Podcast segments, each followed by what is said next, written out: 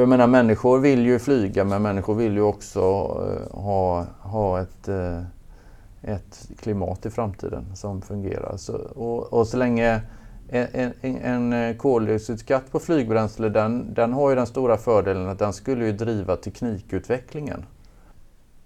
Välkommen till det 33 avsnittet av Klimatpodden med mig, Ragnhild Larsson. Dagens gäst är Jörgen Larsson som är klimatforskare på Chalmers och bland annat studerar hur våra flygvanor påverkar klimatet och vad som krävs för att minska antalet flygresor. Jag träffade Jörgen på styrkeområde energi på Chalmers i Göteborg för ett par veckor sedan för att prata om vårt allt mer intensiva flygande. Det blev också ett samtal om behovet av politiska styrmedel, om flygskatter, koldioxidskatter, klimatkompensation och om vad jag som individ kan göra. Och om varför de mest miljömedvetna också kan vara de som eh, faktiskt har allra svårast att avstå från att flyga. Men varför det heller inte vore önskvärt att vi helt slutade flyga. Och om den där Chicago-konventionen, en internationell överenskommelse från 1944 som i princip omöjliggör koldioxidskatt på flygbränsle. Ja, just att flyga verkar vara det vi har allra svårast att avstå ifrån. Vi kan tänka oss att sopsortera, åka mer kollektivt, eh, äta mindre kött och minska vår konsumtion eh, överlag, men rör inte våra flygresor. Frågan är om det verkligen funkar att lägga hela ansvaret på individen. Nyligen var jag i London för att delta i en workshop i dokumentärfilmning som jag verkligen ville gå. Men det var ju det där med att flyga, jag hade verkligen ingen större lust att göra det. Till slut blev det i alla fall av praktiska skäl flyg till London, men tåg hem. Och hur gick det att ta tåget? Funkade det? Ja, första kruxet var ju att överhuvudtaget boka tågbiljetterna. Det går till exempel inte att boka via SJ. Men efter en del letande på nätet så lyckades jag till slut pussla ihop en resa med hjälp av Go Euro. En sajt för att hitta den bästa och billigaste flyg-, tåg eller bussresan i Europa. Givetvis föreslår den ju då att jag ska flyga från eh, Göteborg till London eftersom det är billigast. Men eh, det går att välja tågalternativet. Däremot går det inte att mata in hela resan från eh, Göteborg till London, eller London till Göteborg i det här fallet. Eh, utan jag får först mata in London till Hamburg och sedan en ny resa från Hamburg till Göteborg. Men då funkar det. Jag startade alltså 11 på söndag förmiddag från St. Pancras i London och tog Eurostar till Bryssel. Där var det ett kort byte med ett tåg till Köln och i Köln hoppade jag på tåget till Hamburg. Och nu var klockan nio på kvällen. Eftersom det tyvärr inte längre går några nattåg fick jag ju då övernatta i Hamburg och sen fortsätta resan hem nästa morgon vid halv tio. Och efter ett byte i Köpenhamn var jag hemma i Göteborg igen fem över sju på måndag kväll. Och resan kostade totalt inklusive hotellet 2200 kronor att jämföra med flygresan som gick på 955 kronor. Men hur var det då att åka tåg? Ja, nu gillar jag ju att åka tåg och en av mina absolut bästa upplevelser är att ta Transsibiriska järnvägen från eh, Moskva till Peking. Och visst, det tar ju mycket längre tid att åka tåg, men frågan är hur bråttom jag egentligen har. Och dessutom kunde jag jobba otroligt fokuserat under många timmar under den här tågresan. Och resan blev ett litet äventyr i sig. Och nästa gång kanske jag stannar lite längre i Hamburg. Men jag inser ju samtidigt att det inte är rimligt att vänta sig att en majoritet plötsligt ska börja åka tåg så länge det är nästan gratis att flyga och så här pass osmidigt att boka en tågbiljett. Men jag är nyfiken på vilka erfarenheter du har av att eh, avstå flyget och till exempel ta tåget istället. Hör gärna av dig och berätta.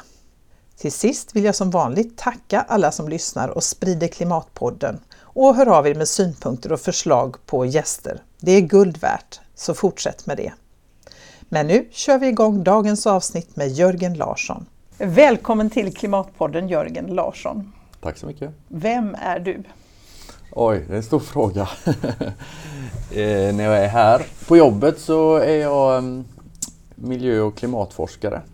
Eh, har disputerat i sociologi faktiskt. Jag har, kommer från det samhällsvetenskapliga hållet. Lite annorlunda bakgrund då för att vara här på Chalmers. Absolut. Mm. Men jag har också en, eh, en, jag började forska lite på äldre dagar kan man säga. Jag är ekonom från början och jobbade som miljö, miljökonsult i över tio år. Eh, sen så gav jag mig in i forskningsvärlden. Och vad var det som fick att söka upp forskningsvärlden då? Det var egentligen eh, ehm, så att jag var inne i den här konsultsvängen och det var jättekul och meningsfullt och sådär, jobba med miljöfrågor. Men så blev det för, för stressigt och hetsigt och sådär som konsultlivet kan bli. Så jag hoppade av det där och eh, downshiftade kan man säga, som en del kallar det. Och levde, gick ner i arbetstid och konsumtionsnivå och sådär. Och det där eh, ledde till att eh, jag började jobba med de där frågorna. Eh, på olika sätt ett par år och sen så kände jag att jag ville verkligen fördjupa mig i det här med uh, hur, uh, vad är det som formar våra livsstilar och sådär. Och då hamnade jag på sociologiska institutionen. Så, um, så jag har varit ute på lite olika områden men det här med hur vi lever våra liv är väl den gemensamma röda tråden. Ja, och nu forskar du om flyg då, man ska ja. säga det väldigt brett och generellt. Precis. Vad var det som fick dig att ta tag i just den frågan då? Alltså det, det, det är ju ett, eh, en, det är en jättestor klimatpåverkan från vårt flygande och våra semestervanor är ju det som ligger bakom flygandet. Ehm, det är faktiskt, många tror att det är affärsflyget och tjänsteresorna som är det stora problemet men, men 75-80 procent av vårt flygande är liksom privat flygande. Så det är en jättestor bit.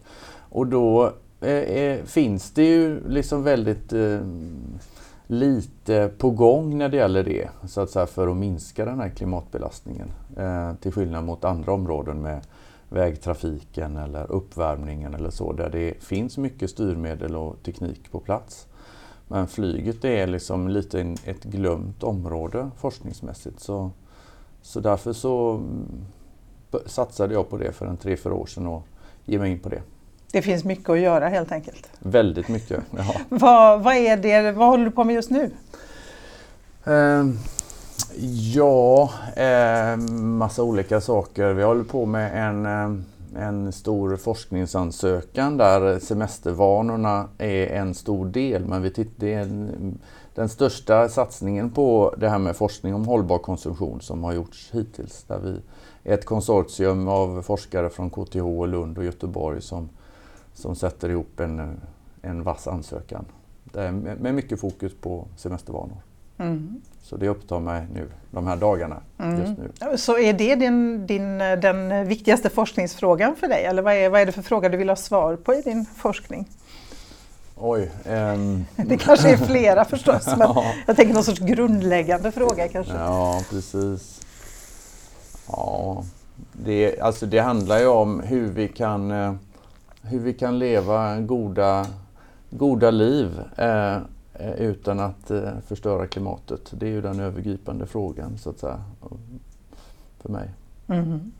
Kan vi det då? Kan vi leva ett gott liv utan att flyga härsan och tvärsan? Absolut, det kan vi. Eh, det handlar om våra föreställningar och, och, och, de strukturer som formar våra, våra val i livet. Så, så det, det är inte så att till exempel för 20 år sedan så flög vi hälften så mycket som vi gör nu men det är inte så att folk tyckte då att de, de levde några grottliv och hade eh, en jättelåg livskvalitet. Nej. Nej. Eh, jag blir också lite nyfiken, hur väcktes ditt intresse för de här hållbarhetsfrågorna då, man ska säga, och livsstil som du var inne på förut att du har tittat på? Ja, um, miljöfrågorna, det intresset det väcktes ju um, Ja, det började egentligen med ett globalt intresse. Jag, jag träffade människor som inspirerade mig att resa, flyga. Ja. Eh, i eh, sena tonåren. Så jag reste runt bland annat i Afrika, Sydamerika och sådär. Så det var ett sånt där ett nord-syd-intresse sådär för, för, eh, som, som var grunden och då kommer det här med liksom miljöfrågorna in rätt så naturligt i det. Så när jag sen började plugga på Handelshögskolan så så kombinerade jag det med studier i, i miljöfrågor. Och, Så det, det, som det är grunden för ett, ett, ett, ett eh, gott liv är ju att liksom vi inte utarmar eh, den basen som vår välfärd bygger på. Så mm. det är ju, egentligen är det en del av ekonomin då. Med, ekonomi står ju för hushållning med begränsade resurser. Och, så det är liksom den basen vi står på. Mm. Och sen det här fokus på, på livsstilsfrågor, det, ja, det kom väl eh, på 90-talet då, när, eh, slutet på 90-talet när jag själv eh, upptäckte att jag hade hamnat i en livsstil som jag inte alls kände mig bekväm i. Utan, utan jobbade mycket, tjänade mycket pengar, flög iväg till Västindien för att komma bort och sådär. Det var inte alls det jag ville så jag ville leva mitt liv. Så då tog jag ett rejält grepp och, och uh, växlade om i livet. Och vad innebar den omväxlingen? Ja, det, det, det, det, grundläggande var ju att jag liksom gjorde en revolt på arbetsplatsen och gick ner till 70 procents arbetstid och, och eh, skar bort saker även i privatlivet för att prioritera det som jag tyckte var verkligt viktigt. Så. Mm. Vad var det för saker du slutade göra då, i privat? Oj, det var 20 år sedan, det kommer jag inte ihåg. Men hur reagerade din omgivning då? För då var du ändå fortfarande i en miljö där väldigt många jobbade betydligt mer kanske än 100 procent. Ja, precis. Samtidigt så var ju vi ett, ett gäng på den här miljökonsultfirman som delade de här värderingarna. Så det var tvärtom så att strax efter jag hade gjort det så, så var det, hade jag nog inspirerat en och annan till att välja samma väg. Mm tänka om. Mm. Mm.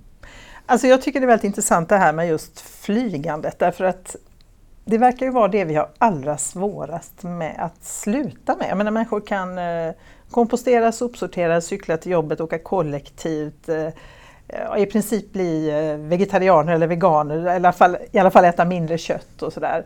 Eh, och tycka att den här klimatfrågan är viktig. Men sluta flyga, det verkar sitta väldigt långt inne. Varför är det så tror du? Vad beror det på? Ja, det... Dels så tror jag att de som överhuvudtaget överväger det här och funderar på hur, hur de ska leva för att ha så låg miljö och klimatbelastning som möjligt. De, de värderingarna som ligger bakom det då, eh, de ligger väldigt nära de här värderingarna om att vara intresserad av andra länder och andra människor och andra kulturer och så. Det är ofta ett, samma värderingspaket. Så, att säga. så, det, så de, de mest miljömedvetna kan också vara de som har allra svårast att, att eh, ge avkall på flygandet. Det är intressant. Medan andra grupper som, som eh, prioriterar till exempel eh, annat som materiell konsumtion. De kanske har lättare att avstå från flygande och lika gärna kan lägga pengarna på en, en eh, finare bil till exempel. Mm. Hur stor är egentligen flygets klimatpåverkan? Alltså om man, om man tittar globalt först då, så, så står ju flyget för ungefär 2,5-3 procent av, av koldioxidutsläppen globalt. Men sen har ju flyget också eh, en klimatpåverkan genom andra eh, utsläpp. Höghöjdseffekt kallas de.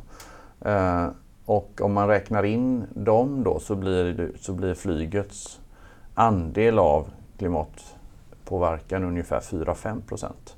Globalt är ju det. Men sen i rika länder som, som Sverige så, så blir det ju mycket större del då. Eh, och och eh, vi har själva gjort en eh, studie här där vi landade på att 14 procent av, av eh, västsvenskarnas klimatpåverkan kommer från deras privata flygande. Och sen kommer tjänsteflygandet på det då. Ehm, men, och, och, vi har gjort en studie som bygger på mm, hela svenska folkets resande.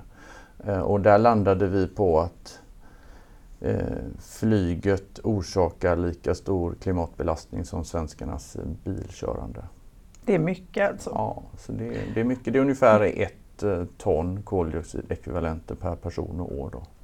Och det har ökat väldigt mycket, eller hur? Ja, det ökar mycket. Um, vi flyger, svenskarna flyger ungefär dubbelt så mycket nu som för 20 år sedan. Och det är för att det är så fruktansvärt billigt att flyga, antar jag? Det är en viktig orsak.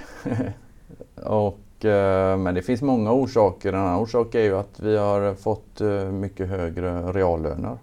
på de här 20 åren. Mm. Vi har råd. Så vi har råd, Mm. precis. Men samtidigt är det ju inte alla i Sverige som flyger, eller hur? Nej, det är extremt ojämnt. Om man jämför till exempel med maten då som är en annan stor eh, klimatbelastande eh, sektor så, så, så äter ju alla människor. Sen kanske en del köper och slänger och sådär lite mer. Men eh, det är mycket jämnare fördelat naturligtvis. Medan flyget är jätteojämnt fördelat. Om man tittar då på det privata flygandet och räknar bort eh, tjänsteresorna. Ja, för tjänsteresorna har väl i princip, de har i alla fall inte ökat alls lika dramatiskt. Nej, de ökar inte Nej. lika mycket. Speciellt inte inrikesflyget med tjänsteresor. Det ligger väldigt stabilt sedan 20 år. Men, så det är det, det, är det privata flygandet och utrikesflyget som, som ökar. Och, eh, i, I en eh, studie vi har gjort så frågade vi människor om deras flygresande de senaste två åren. Och eh, då var det 20 procent då som inte hade flugit alls. Eh, Medan en mindre grupp då flyger väldigt mycket. Så, så 20, i, i, i den studien så står, stod 20 procent av, av svenskarna för hälften av utsläppen Mm. från flyget. Då. Så det finns en grupp som flyger eh, flera gånger om året som eh, har en stor klimatpåverkan. Mm. Eh, och frågan är då hur får man människor att eh, minska på sitt flygande? Ja, ehm, det är en stor fråga. Ehm, och det, Alltså hur mycket ansvar tänker jag kan man lägga på individen och hur mycket, hur mycket är Eh, politikernas ansvar att införa flygskatter och annat? mm, alltså för att vi ska få en, eh, en rejäl minskning av utsläppen från flygandet så behövs det ju politiska styrmedel.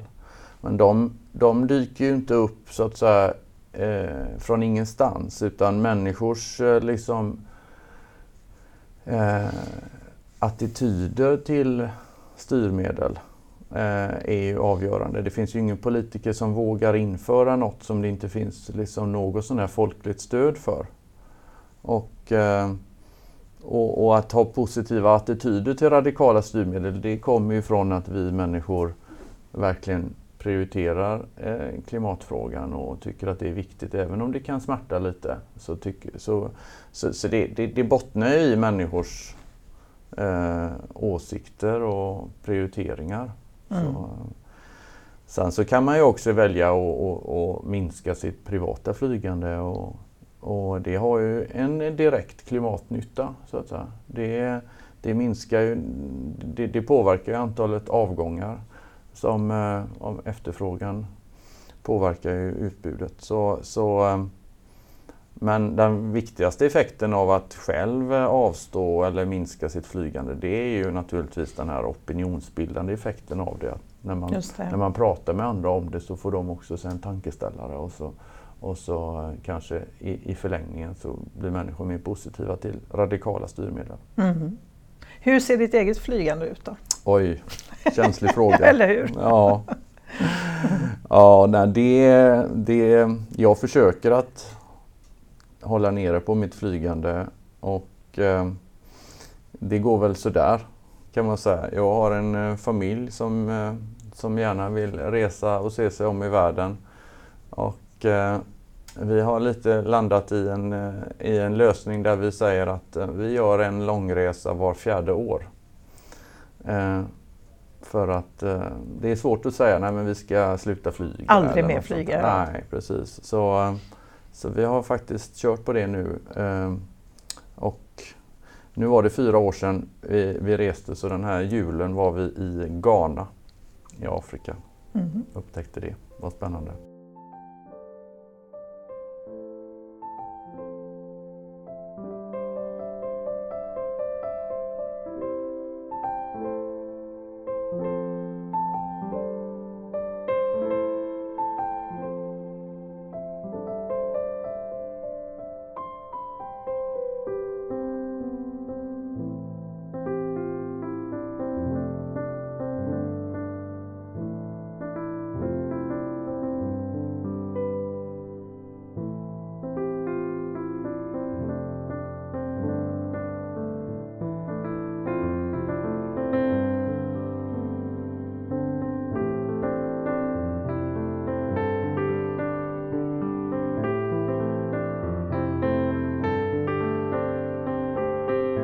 Men om man nu ska tänka då hållbart och vad som faktiskt funkar, eh, måste vi helt sluta flyga i framtiden eller kommer vi att kunna flyga i en viss utsträckning då, eller vad tror du?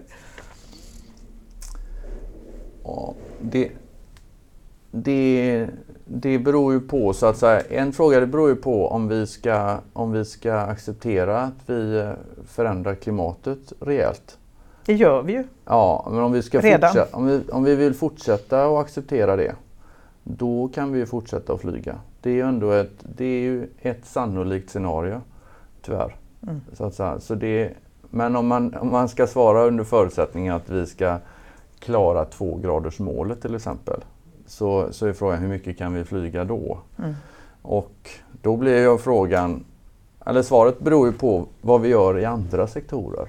Så att om vi till exempel, alltså om vi lyckas ställa om energisystemet globalt Ehm, så, så är ju det, det är ju naturligtvis den största och den viktigaste eh, åtgärden. Och skulle vi göra det snabbt och, och, och till 100 procent, då finns det mycket större utrymme att flyga. Men eh, det finns väl inte så...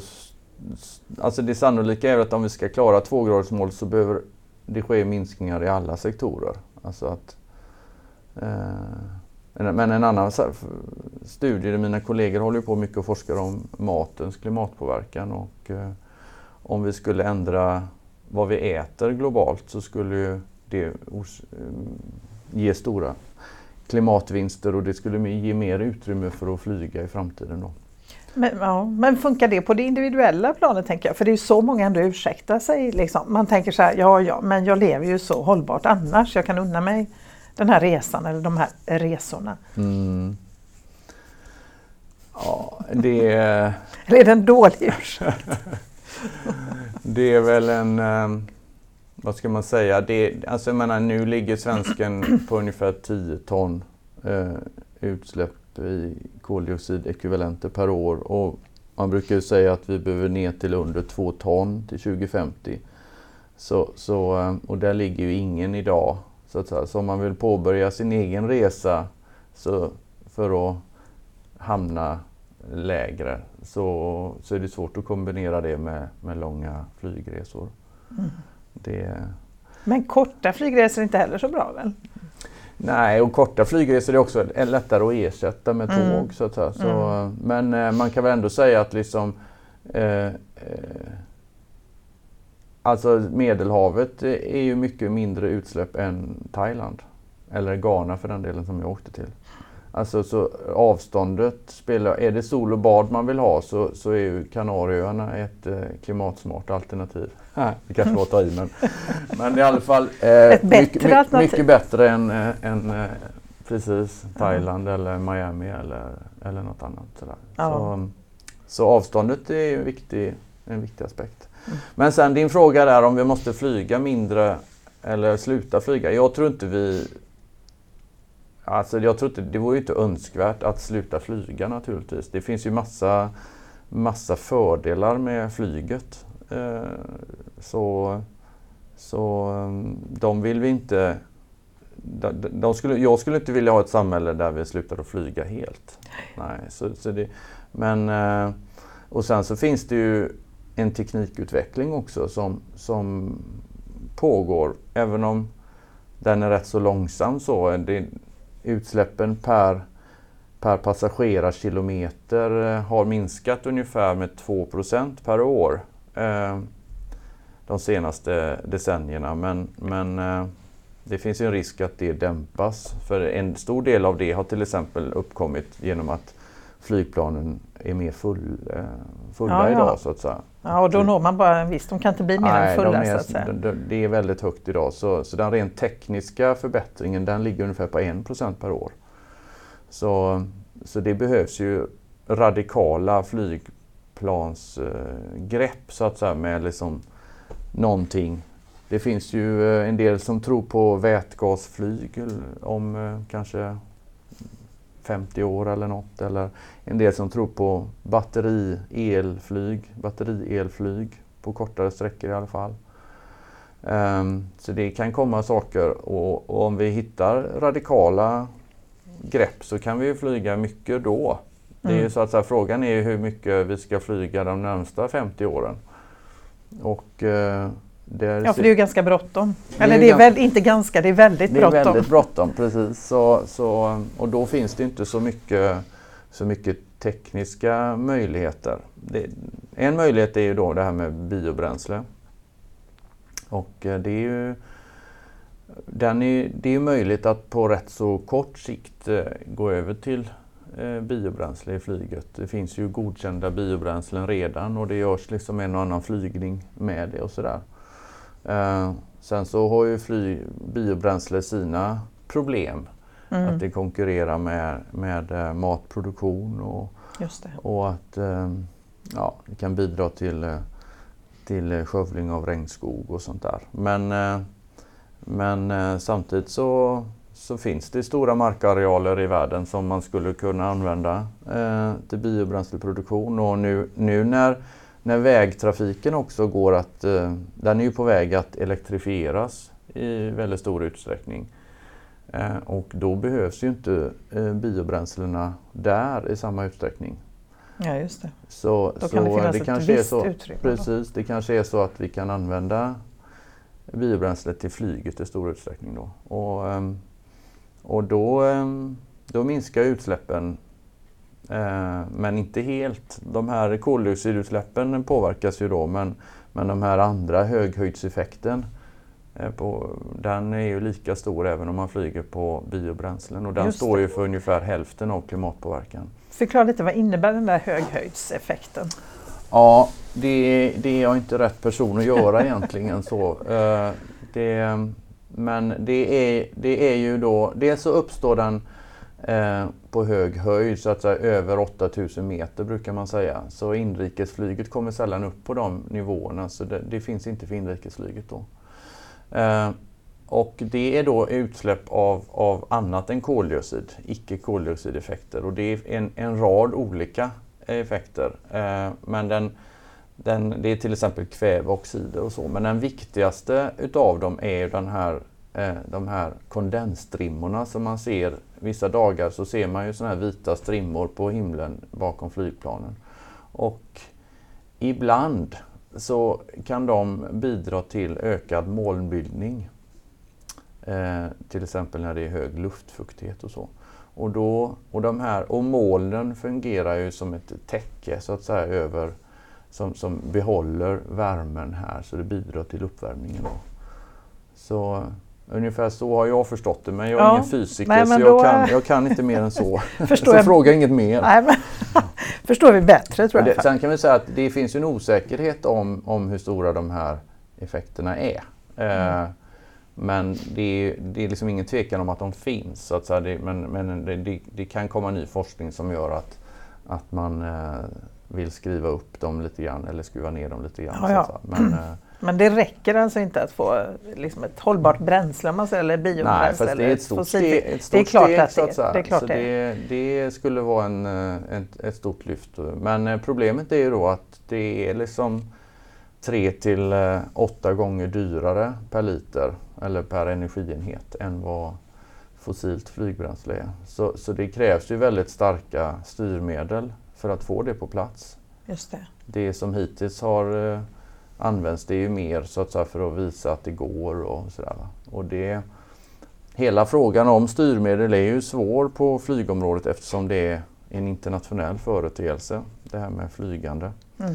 Och eh, internationella överenskommelser om styrmedel är ju svåra att få till stånd. Finns det några tecken i den riktningen?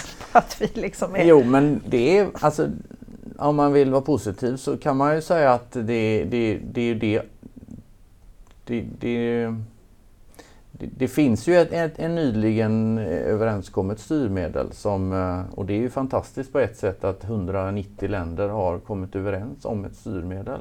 Det är ju väldigt eh, positivt och hoppfullt. Sen är ju problemet att det är ett väldigt svagt styrmedel så, så, så ehm, det kommer inte få långt ifrån tillräcklig eh, effekt. Så att säga. Det, det handlar om att eh, utsläppen ska frysas på 2020 års nivå. Att de inte ska få öka därefter. Eller de ska rättare sagt få öka i flygsektorn men flygbolagen ska tvingas att köpa, betala för utsläppsminskningar som sker på, på mark i olika projekt. Att man bygger vindkraftverk i Indien eller planterar träd kanske. Eller något. En form av klimatkompensation ja, då? det är en klimatkompensation och den är ju väldigt ifrågasatt. Jag tänkte ju verkligen... säga det, hjälper det överhuvudtaget? Om jag köper nu en biljett här till London, hjälper det då att jag klimatkompenserar? Jag har inte satt mig in helt i den forskningen men många forskare pekar ju på att, att det inte har någon reell klimatnytta. Så att, så att den här additionaliteten som det heter, att det verkligen ska göra att det blir en minskning av utsläpp som annars inte hade skett.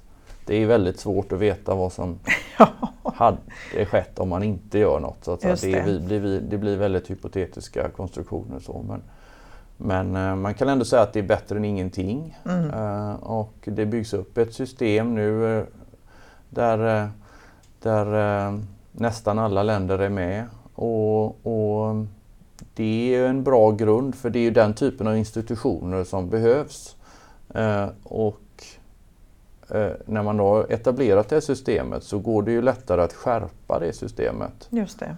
Eh, I framtiden. Så det är lite som med flygskatterna här i Sverige nu. Ja. Att det är en, alltså för man kan ju tycka att det är en löjligt liten summa. Om man nu tycker det är bra med flygskatter, det tycker ju inte alla. Men Nej men precis. Eh, då, är det ändå, då kan man också tänka att man, man i framtiden faktiskt kan höja, ja, öka dem då. Precis så, så är det ju. Så, och, och, och det behövs ju olika typer av styrmedel. Och ett, ett, eh, det behövs styrmedel som dämpar efterfrågan så att, så att, vi, så att, så att vi inte hamnar i en situation där vi flyger dubbelt så mycket om 20 år igen. Liksom.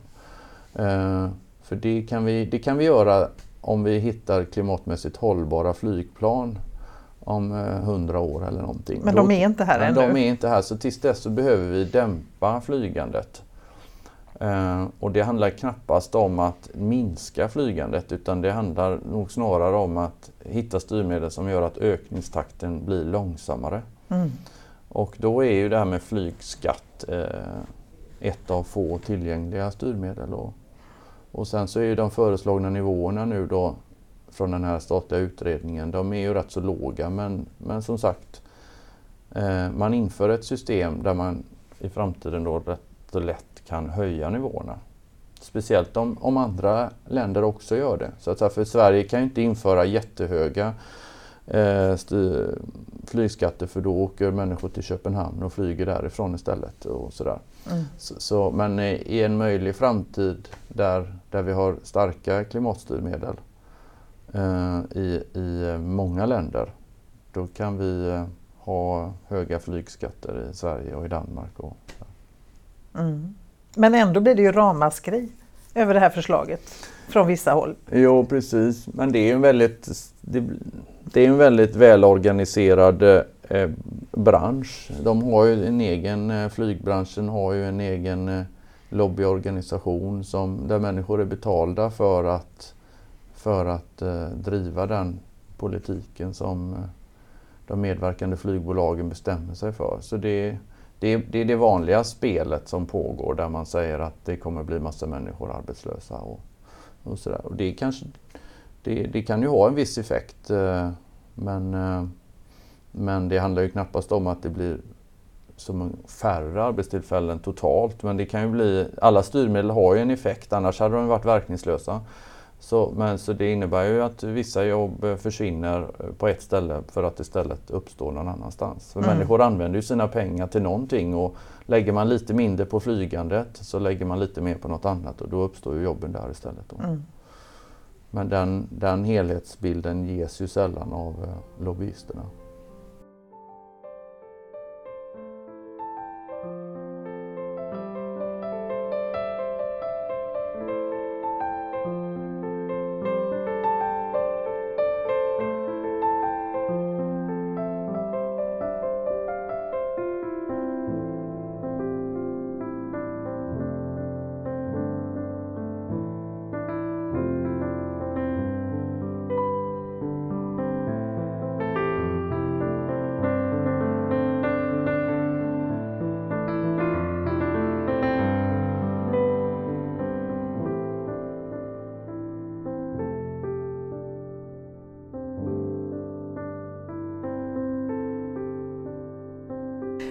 Men jag menar i ena änden då, om vi säger nu att man, man gör det faktiskt mycket dyrare att flyga och eh, ja, men det finns ju trots allt tåg kvar då i Europa säger vi nu då där det är möjligt. Det är ändå liksom någon sorts rimligt att kunna ta tåget.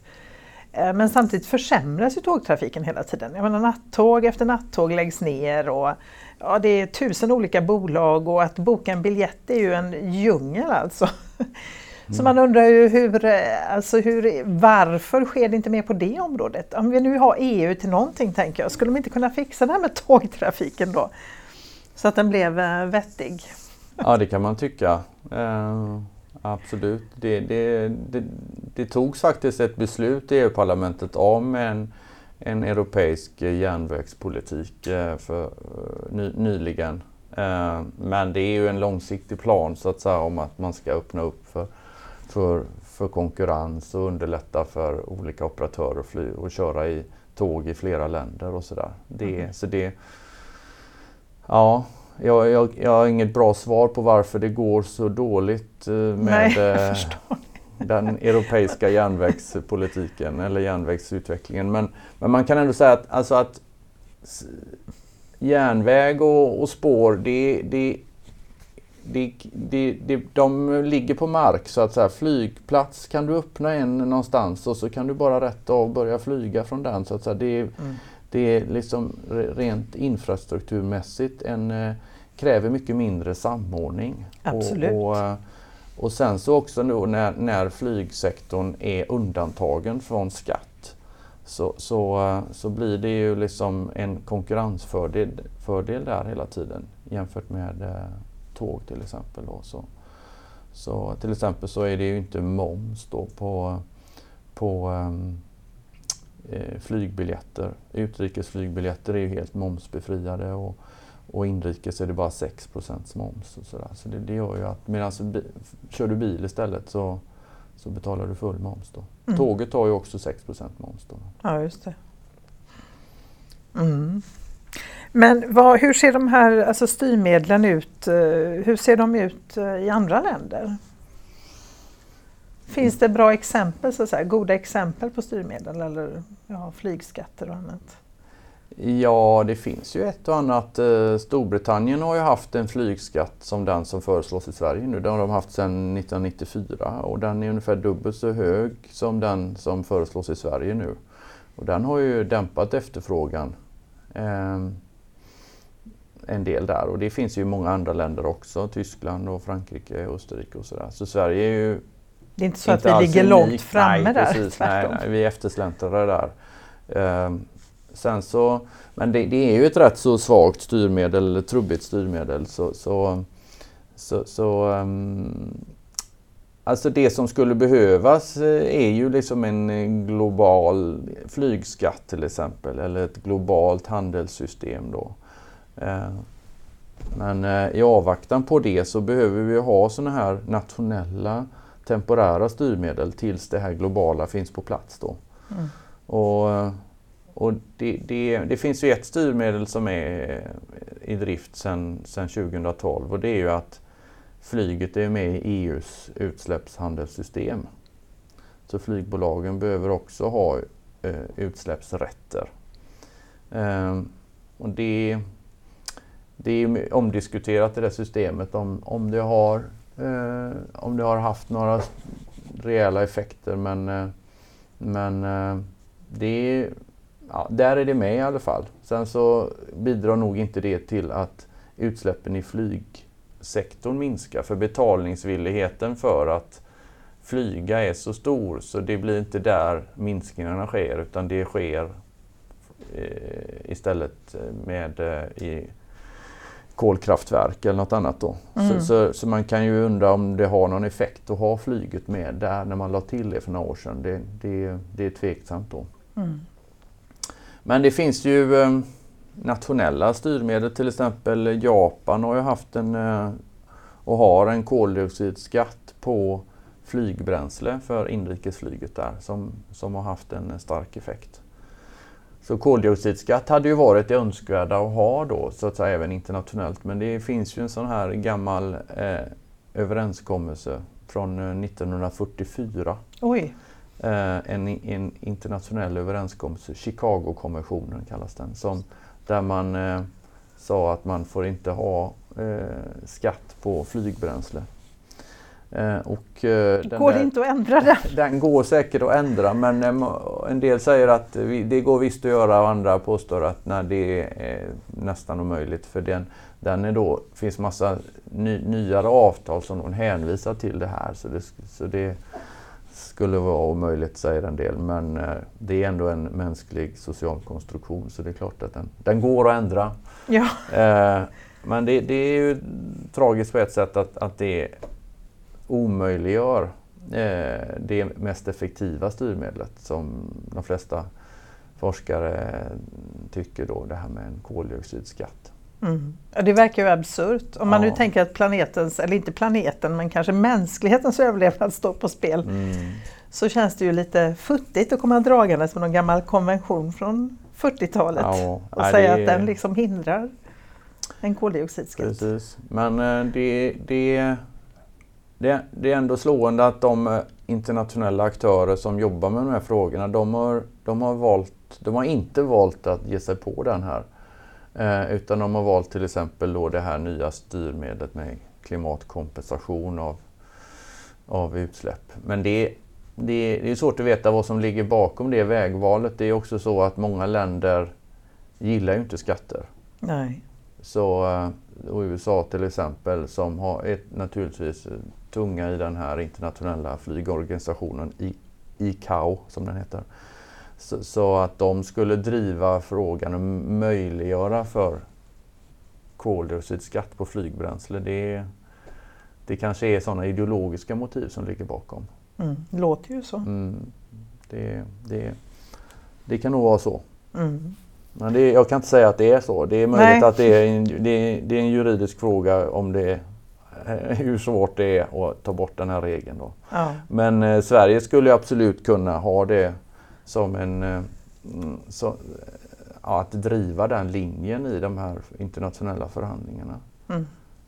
Överhuvudtaget så hade jag gärna sett att Sverige hade haft en, liksom en, en genomarbetad eh, linje när det gäller eh, vad man ska driva eh, i de här frågorna med internationella flygstyrmedel. Så Sverige har ju representanter i de här eh, förhandlingarna om till exempel som har lett fram det här till det här med klimatkompensationssystemet. Men, mm. men jag har inte sett någon, någon, någon så att säga, flygstrategi på det sättet. Svenska regeringen kom ju med en flygstrategi nyligen. Men den omfattade ju inte något om vad man ska ha för position eh, när det gäller eh, framtida flygstyrmedel. Nej, varför det tror du? Ja du.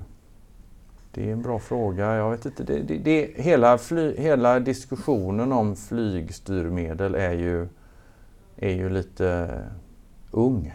Så att säga. Vi har ju haft eh, styrmedel när det gäller vägtrafiken liksom i 50 ja, år eller ja. så. så, att så där och finns det har ju det funkat. Liksom, ja, det har funkat och så där och där finns det mycket kunskap och erfarenhet och sådär. Medan på flyget så, så så, så, har vi inte kommit så långt. Och även själva flygbranschen är ju också lite som bilbranschen var på 60-70-talet där man försökte motverka eh, all, ja, eh, nya styrmedel som skulle göra det bättre för, för samhällsnyttan så att säga. Så, så, så det, det är lite, lite nytt och lite omoget skulle jag säga. Både från politiskt håll och från, från företagens håll. Mm. Um, så um, så, ehm, och, sen, och det grundläggande problemet är ju liksom att eh, flygets utsläpp från det internationella flyget liksom belastar ju inget lands eh, nationella utsläppsrapportering. Nej, precis. Utan det är liksom ingens utsläpp. Så att det är samma med internationella sjöfarten då. Så, och då finns det inget land som har liksom eh, eh, incitament att, införa styrmedel. För det, de får ingen cred för det internationellt. Liksom. Ingen är ansvarig? Ingen är ansvarig, nej precis. Så det, det, det är ju ett problem liksom. och, och nu då när, efter Parisöverenskommelsen så, så har ju trycket ökat på länder att, att införa en mer aktiv klimatpolitik. Men den, den, är, den omfattar ju inte det internationella flyget då. Så många länder tänker nog att de har så att säga fullt upp med att uppnå sina åtaganden som de gjorde i Paris. Och där finns inte det internationella flyget med då. Så, så, så det krävs att pro, progressiva länder går före. Just det. Eh, och, och liksom verkligen driver det här både att införa nationella styrmedel men också driver för internationella styrmedel.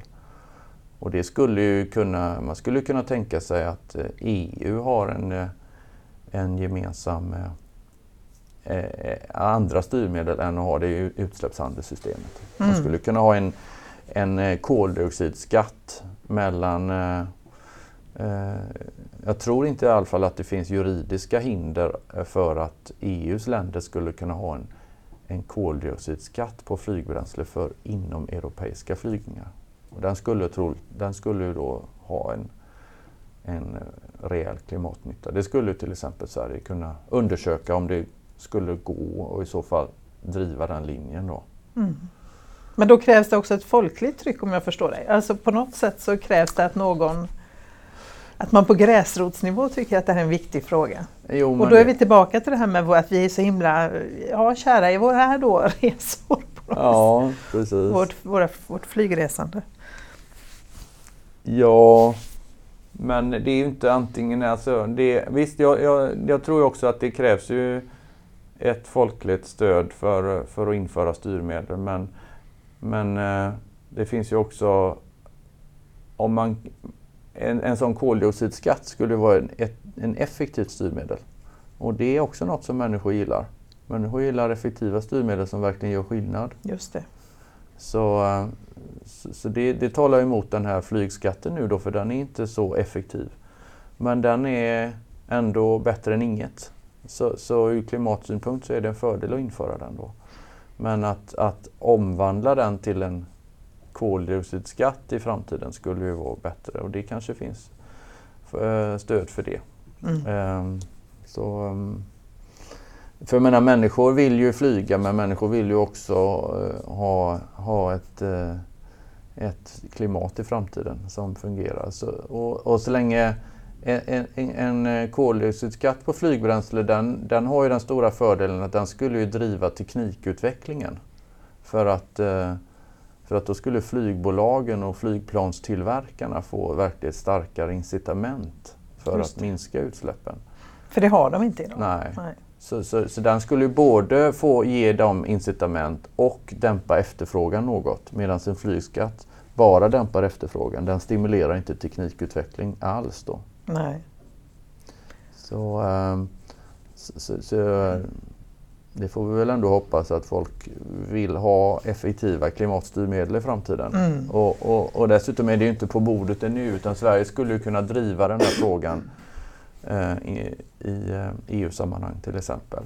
Ja, så kanske det skulle om ett antal år möjligtvis bli aktuellt. Och då kan man ju tänka sig att eh, opinionen har svängt i den bästa av världar. Mm. Vad, finns det någon som driver den här frågan inom Sverige eller i, inom EU eller så? Det är väldigt, eh, det, fin, nej, det finns väldigt få aktörer. Ehm, jag tror att även miljöorganisationerna eh, är lite skraja för att ta i den här frågan för att den, den är så laddad eh, hos allmänheten. Men visst, miljöorganisationerna tar ju upp den en del, sådär, det gör den. Men, men eh, det finns ju inga starka aktörer som står bakom det här. Eh, det gör det inte.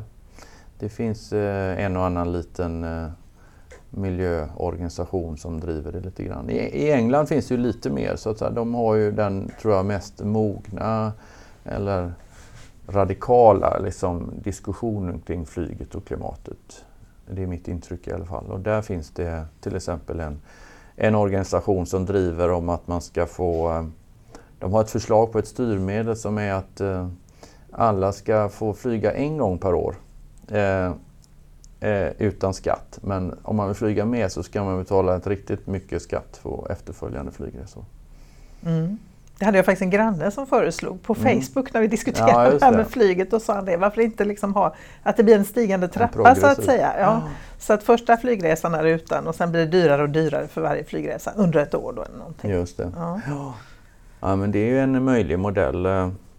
Sen ska om- någon hålla reda på det där. Ja, det finns ju alltid det här med integritetsproblem Ja. och sådär. Så, men de påstår i England där att det är, det är inga problem, det löser vi. Spännande. Så de skulle inte registrera vart man åker till exempel utan, utan bara att man åker en gång. Så att säga.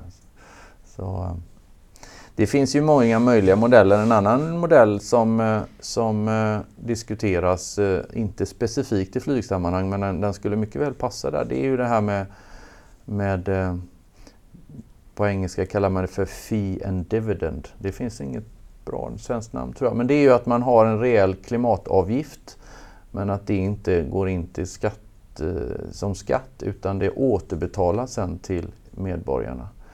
Eh, och man skulle kunna tänka sig att om man har en, en hög flygskatt så varje gång du köper en flygbiljett så betalar du en hög peng för det.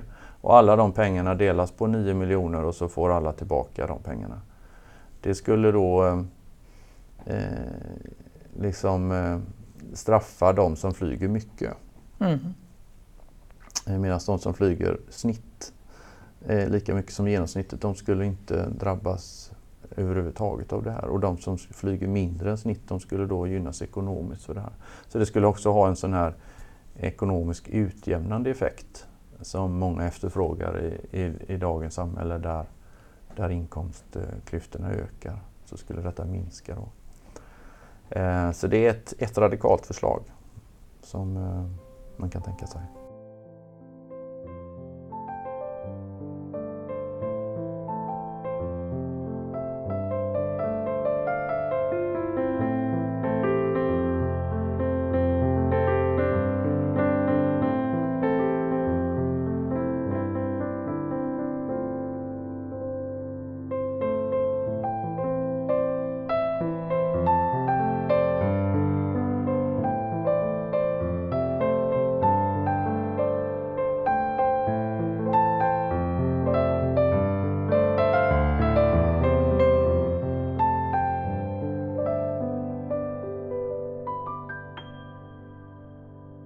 Hur, alltså sådär i stort, känner du dig optimistisk eller pessimistisk inför framtiden när det gäller flygresorna? Kommer vi att lyckas minska, vår, kommer vi att lyckas att minska vårt flygresande? Ja, frågan ska vi i så fall, kommer vi lyckas minska utsläppen från vårt Just det, flygande? just det. Om de är Eh, helt problemfria så gör det inget, då kan vi flyga nej, jättemycket. precis. Så, så eh, jag tror att eh, om hundra år så tror jag att vi kommer ha eh, flygplan som, som eh, orsakar mycket mindre eller kanske nästan inga utsläpp. Det, det är jag övertygad om att det går så att säga. Det, men eh, de närmsta decennierna så räcker ju inte, då kan vi inte förlita oss på det. Så, så, Så- så, så, ja, men jag är optimistisk där. Ja, jag tror väl kanske det är nästan det allra svåraste området. Jag tror att möjligheten att minska utsläppen från vägtrafiken är mycket större, från industrierna är det mycket större och från maten är det mycket större. Så, så, så jag tror att flygets andel av utsläppen kommer att öka i framtiden men, men de får inte skena som Nej. de gör nu. Så att säga, de får inte... De får inte nu, alltså det, vi, alla, många sektorer minskar ju ändå utsläppen nu men flyget ökar ju liksom med 2-3 procent per år. I, och det, det, det, det håller ju liksom inte att det, att det fortsätter så. Så, ehm, Nej. så, eh, men jag tror det kommer ta lång tid tror jag innan vi har styrmedel på plats som, som gör att det i alla fall fryser nivån av de totala växthusgasutsläppen. Det, det kommer dröja många år. Ehm, Så, så det är ju, jag har ju valt kanske det svåraste om, En området. utmaning kan man säga. Ja. Men vad ska jag som individ göra då? Om jag nu lyssnar här och tänker att ja, men hur kan jag bidra då till att det blir något bättre? Ska jag ut på gatorna och demonstrera eller ska jag sluta flyga? Vad ska jag göra? Ja, ehm, vad ska man göra? Alltså, Börja forska. Börja forska. Eh, man ska väl eh, kontakta riksdagspolitikerna och säga att man vill ha eh, eh, nya styrmedel. Det tror jag är en av de viktigaste saker man kan göra. Eh, och, sen, och även sina, sina EU-parlamentariker. Sen kan man ju engagera sig i, i organisationer som driver det här. Så att. Det, där, är ju ett, där finns ju ett handlingsutrymme, ett, ett tomt fält så att säga, där ingen tar tag i det här och, och eh, bildar opinion för de här sakerna. Det kan man göra. Sen kan man ju också själv välja att flyga mindre eh, eller avstå helt. Och, och då är det ju kanske det viktigaste det att man, att man pratar om det. Att, att, man, eh, att man liksom inte bara gör det i det tysta. Nej, eh, att man gör det som ett statement lite grann ja, då. Men precis. blir inte det lätt lite dålig stämning där runt middagsbordet ja. när man ja, liksom börjar säga att jaha, ni ska flyga till Thailand, själv tar jag tåget. Precis. det är en konst att, att ja. ta upp den diskussionen och nämna det på ett sätt så att det inte blir Eh, så att inte stämningen blir helt pajad på middagen. Sådär. Men, eh, men även om stämningen pajas så kanske det, kanske det, ja, det kanske i alla fall har någon sorts långsiktig klimatnytta. Vem vet? Om man nu tycker det är värt att offra en stämningen på en middag. Men eh, det finns ju mer positiva sätt man kan göra också. Man kan ju liksom välja flygfria semesteralternativ och så kan man prata högt om dem. Och hur mysigt det var. Ja, mm. man kan Facebooka om det. Eh, mm. Eh, men man kan undvika att Facebooka om sina flygresor. Mm. Det var en bra uppmaning tycker jag. Tack så jättemycket för att jag fick sitta här och prata med dig. Tack så jättemycket.